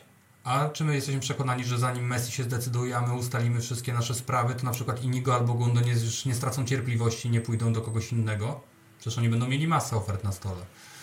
A myślisz, że rzeczywiście Laporta w biurach Barcelony zastanawiałby się nad tym, czy woli Inigo Gundogana czy Messiego? Bo mnie się wydaje, że A jeżeli nie, do gry wejdą, wejdzie taka sytuacja, to tu nie będzie żadnego zastanawiania się, tylko po prostu A no właśnie o to chodzi, Messiego. prawda? Pewnie, że nie będzie. Pewnie, że wtedy decyzja pewnie zostanie podjęta bardzo szybko i pewnie jednomyślnie. Natomiast, e, no, tak jak mówię, no, my nie jesteśmy w stanie jeszcze oszacować naszych możliwości. Nie znamy naszej przyszłości nawet na najbliższe miesiące tak naprawdę. Mm, nie wiadomo, co będzie i to z tą Ligą Mistrzów. Nie wiemy, co będzie w ogóle w tej sprawie Negreiry, bo tak naprawdę nic się według mnie specjalnie nie ruszyło od momentu, kiedy to o tej sprawie się w ogóle dowiedzieliśmy. Paradoksalnie być może dużo więcej rzeczy wy- wypływa na naszych przeróżnych, no powiedzmy, przeciwników w tej sytuacji, prawda? Chociażby Tebasa, no bo Teba, te, Javier Tebas ma teraz taki okres, że po prostu coś jej nie otworzy szafę, to wychodzi na niego jakiś skandal. Mm, e, więc no mówię, wydaje mi się na ten moment powiedziałbym mimo wszystko, że Messi nie przyjdzie do Barcelony. W tym To momencie. Ale Ja, no, ja w drugą stronę. Ja uważam, że może trochę na fali tych newsów, które ostatnio wypływają e, w zasadzie z każdej strony, bo to i francuskie źródła, i argentyńskie, i bliskie No jedno jest pewne, no Messiego raczej nie zostanie, prawda? A jeżeli chce zostać w Europie, no to za chwilę będzie miał tylko Barcelonę i nie wiem, Inter pewnie, jak zawsze. No i nie no, City nie, City nie, odrzućmy to. No City nie, no bo City nie, no bo City już poczyniło jakieś ruchy, no i co nie mieliby teraz zrobić w sumie? Gdzie ten Messi miałby im się wpasować? No jakby nie czuję tego, chociaż z drugiej strony jakby go tam wystawić zamiast Mareza tylko po to, żeby podawał piłki do, mm, do Halanda, no to, Ale to, wydaje mi się, że jak u nas, no. Wydaje mi się, że to już nie jest ten etap kariery, na którym on będzie szukał takiego transferu, żeby sobie zdobywać Czy wiesz, trofea, no trochę nie ma wyboru, raczej- no jeżeli on chce zostać w Europie, to będzie musiał brać trochę to, co jest na stole. Na ten moment Jasne, pewnie najładniej mu się jasne. uśmiecha Barcelona, no bo tutaj będzie romantyzm, to łatwo tak, tak, sprzedadzą takie coś.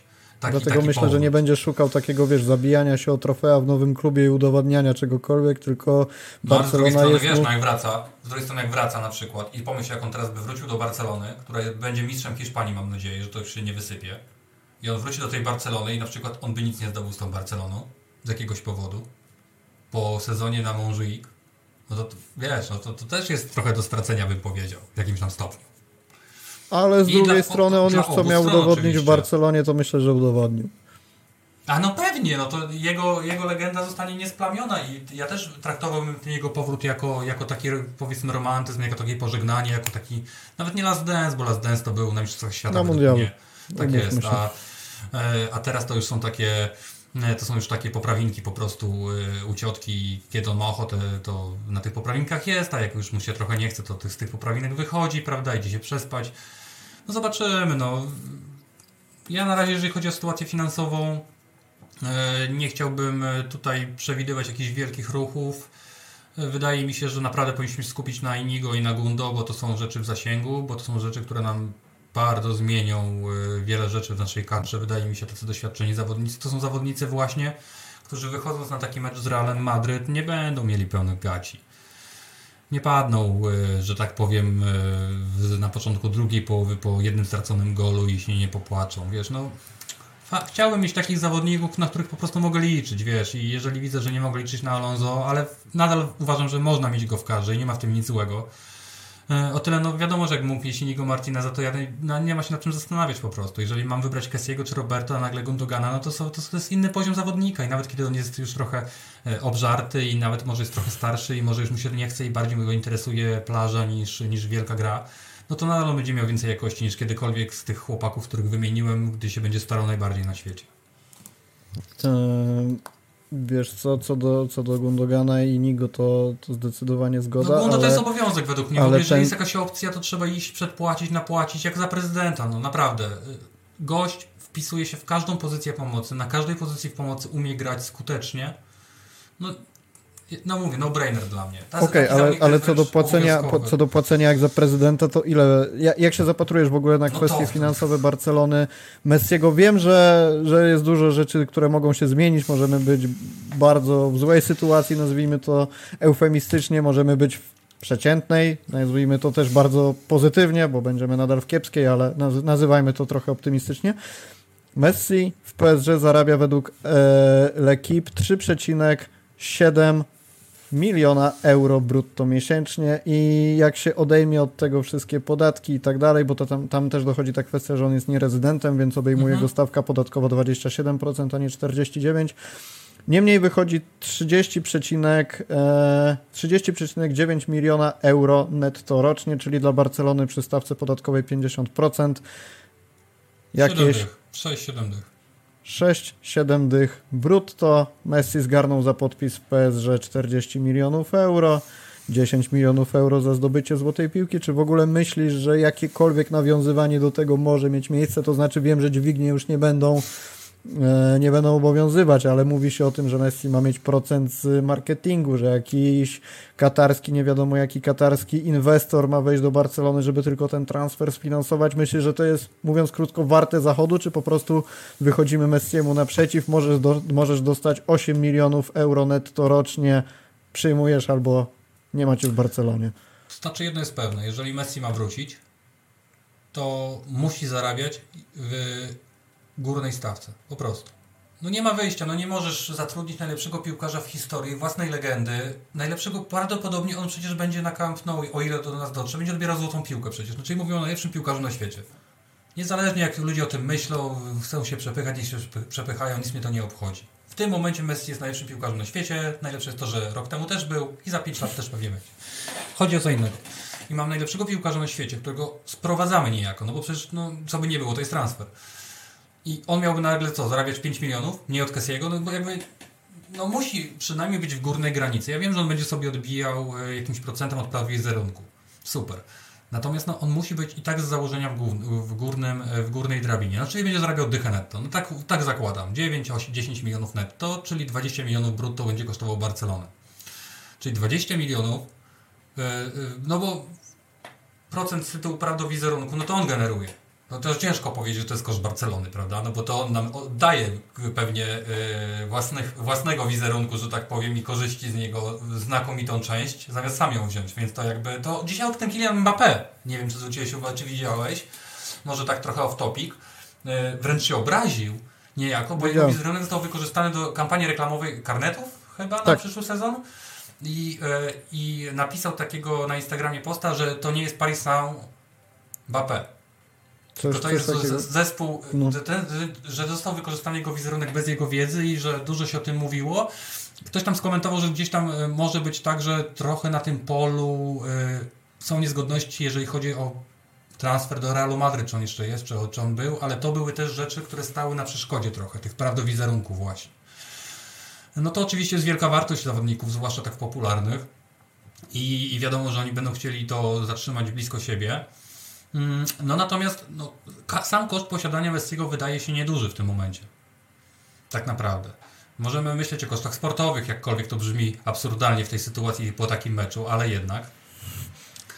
E, natomiast no, finansowo Barcelona na jego transferze na pewno nie straci, tylko teraz znowu.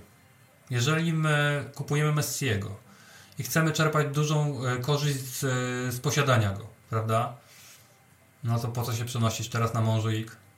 Ale to Akurat wydaje mi się, teraz- zamknięty temat, bo ja No też ja wiem, słyszałem ale takie jakby, głosy, że wiesz, może to byłoby odłożone w czasie, może jeszcze ten jeden czy dwa sezony na Camp Nou, mimo w zasadzie już oficjalnych informacji o przeniesieniu, natomiast nie sądzę, żeby takie coś miało No ale miejsce. niestety, jak wiemy, turystyka y, w tym okresie będzie dużo mniejsza na pewno.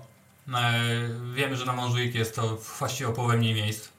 E, Starczy dla karnetowców, to się będzie jakoś tam dzieliło. Pewnie klub znajdzie jakiś sposób na to, żeby jednak zwykły kibic z ulicy mógł też jakiś mecz zobaczyć. No bo jak wiemy, przecież tyle tysięcy to jest samych karnetów.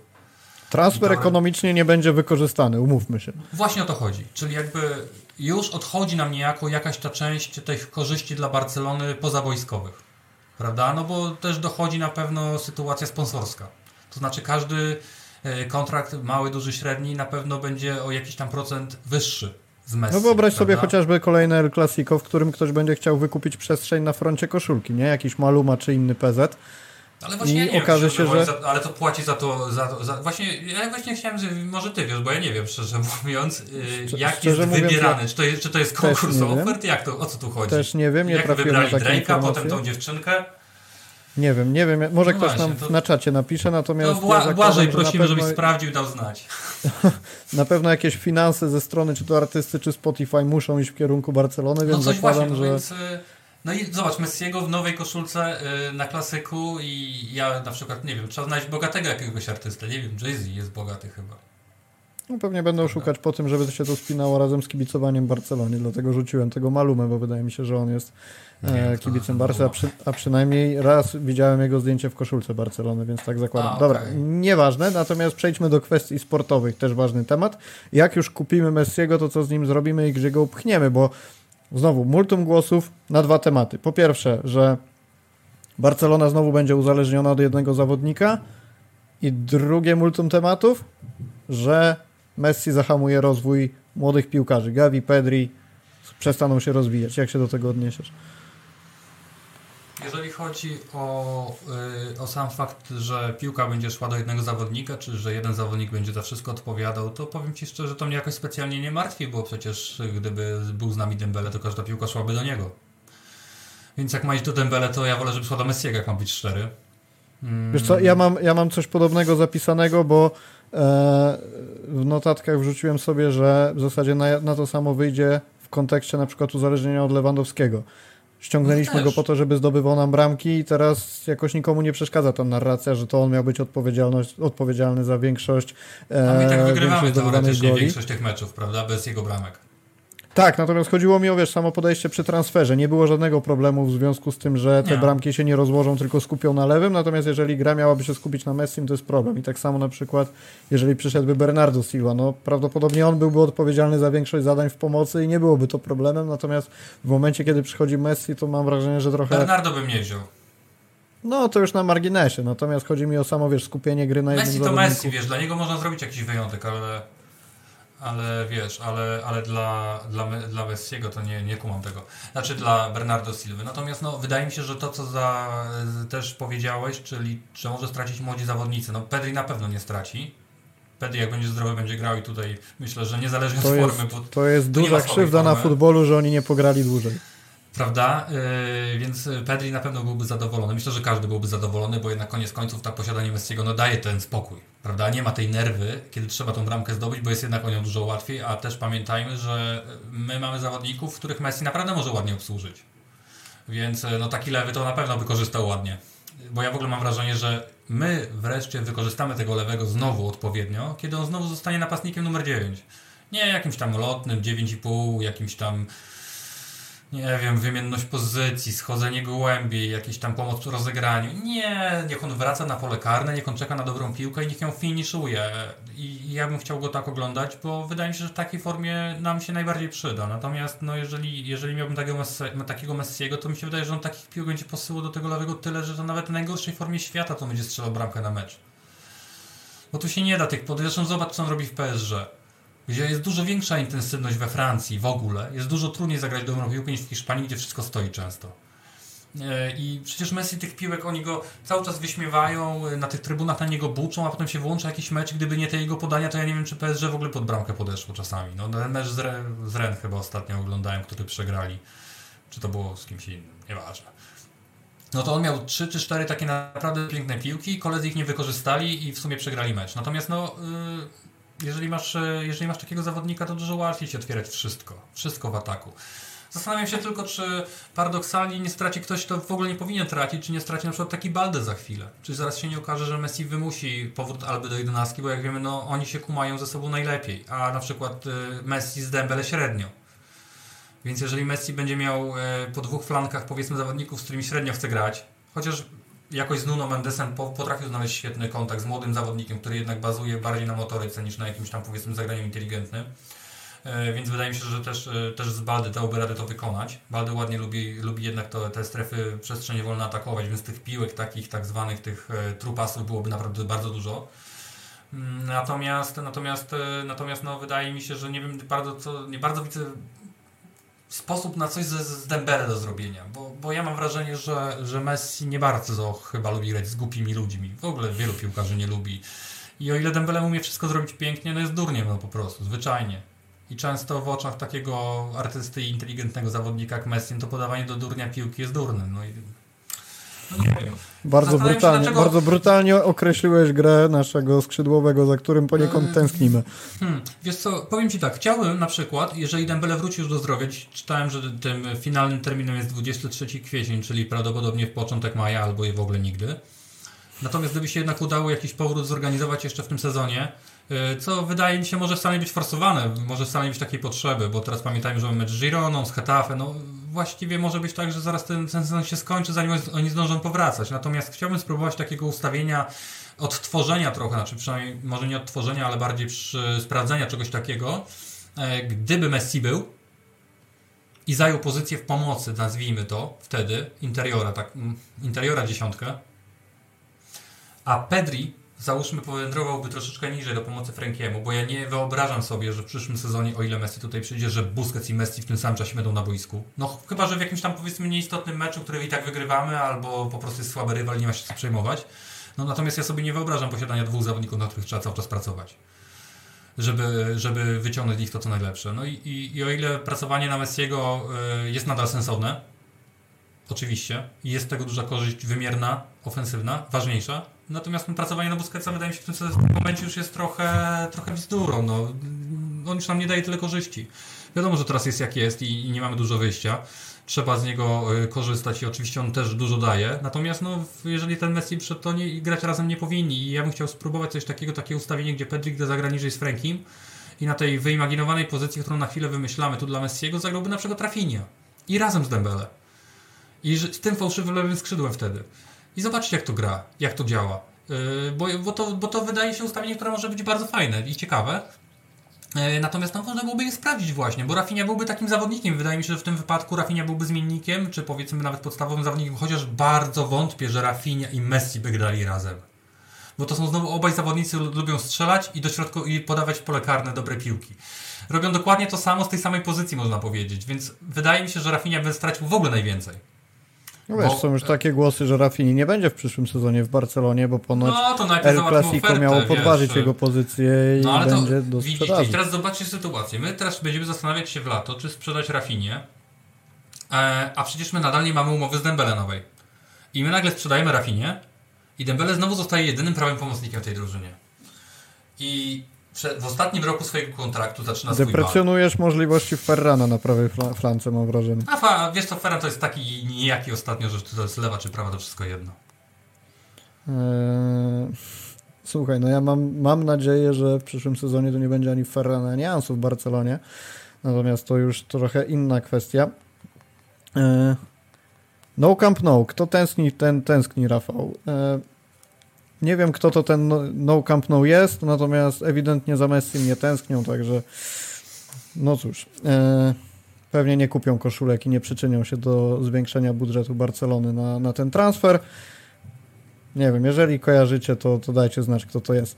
E, Macie, gdybyś miał jednym słowem, tak kończąc ten podcast, powiedzieć, chcesz powrotu Messiego czy nie? Chcę powrotu Messiego, oczywiście. Nie mam nic przeciwko powrotowi Messiego. Boję się tylko, co się wydarzy wokół tego wszystkiego, kiedy on wróci i to wszystko nie potoczy się po, powiedzmy mojej myśli. Tego się boję.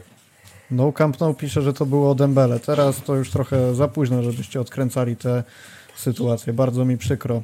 Nie możecie się wycofać z poprzednich słów. E, do... No i tak tym pozytywnym, tym pozytywnym akcentem, słonikiem, który nam przyniesie szczęście, na koniec będziemy kończyć. Przypominamy o konkursie, przypominamy o subskrypcjach kanału i bardzo dziękujemy, że byliście z nami. Długi podcast, ale wypełniony treścią, także mam nadzieję, że było super i Wam się podobało. Maciej Miko był dzisiaj ze mną. Dzięki bardzo. Dziękuję bardzo i przepraszam za końcówkę. Takie życie. Do usłyszenia.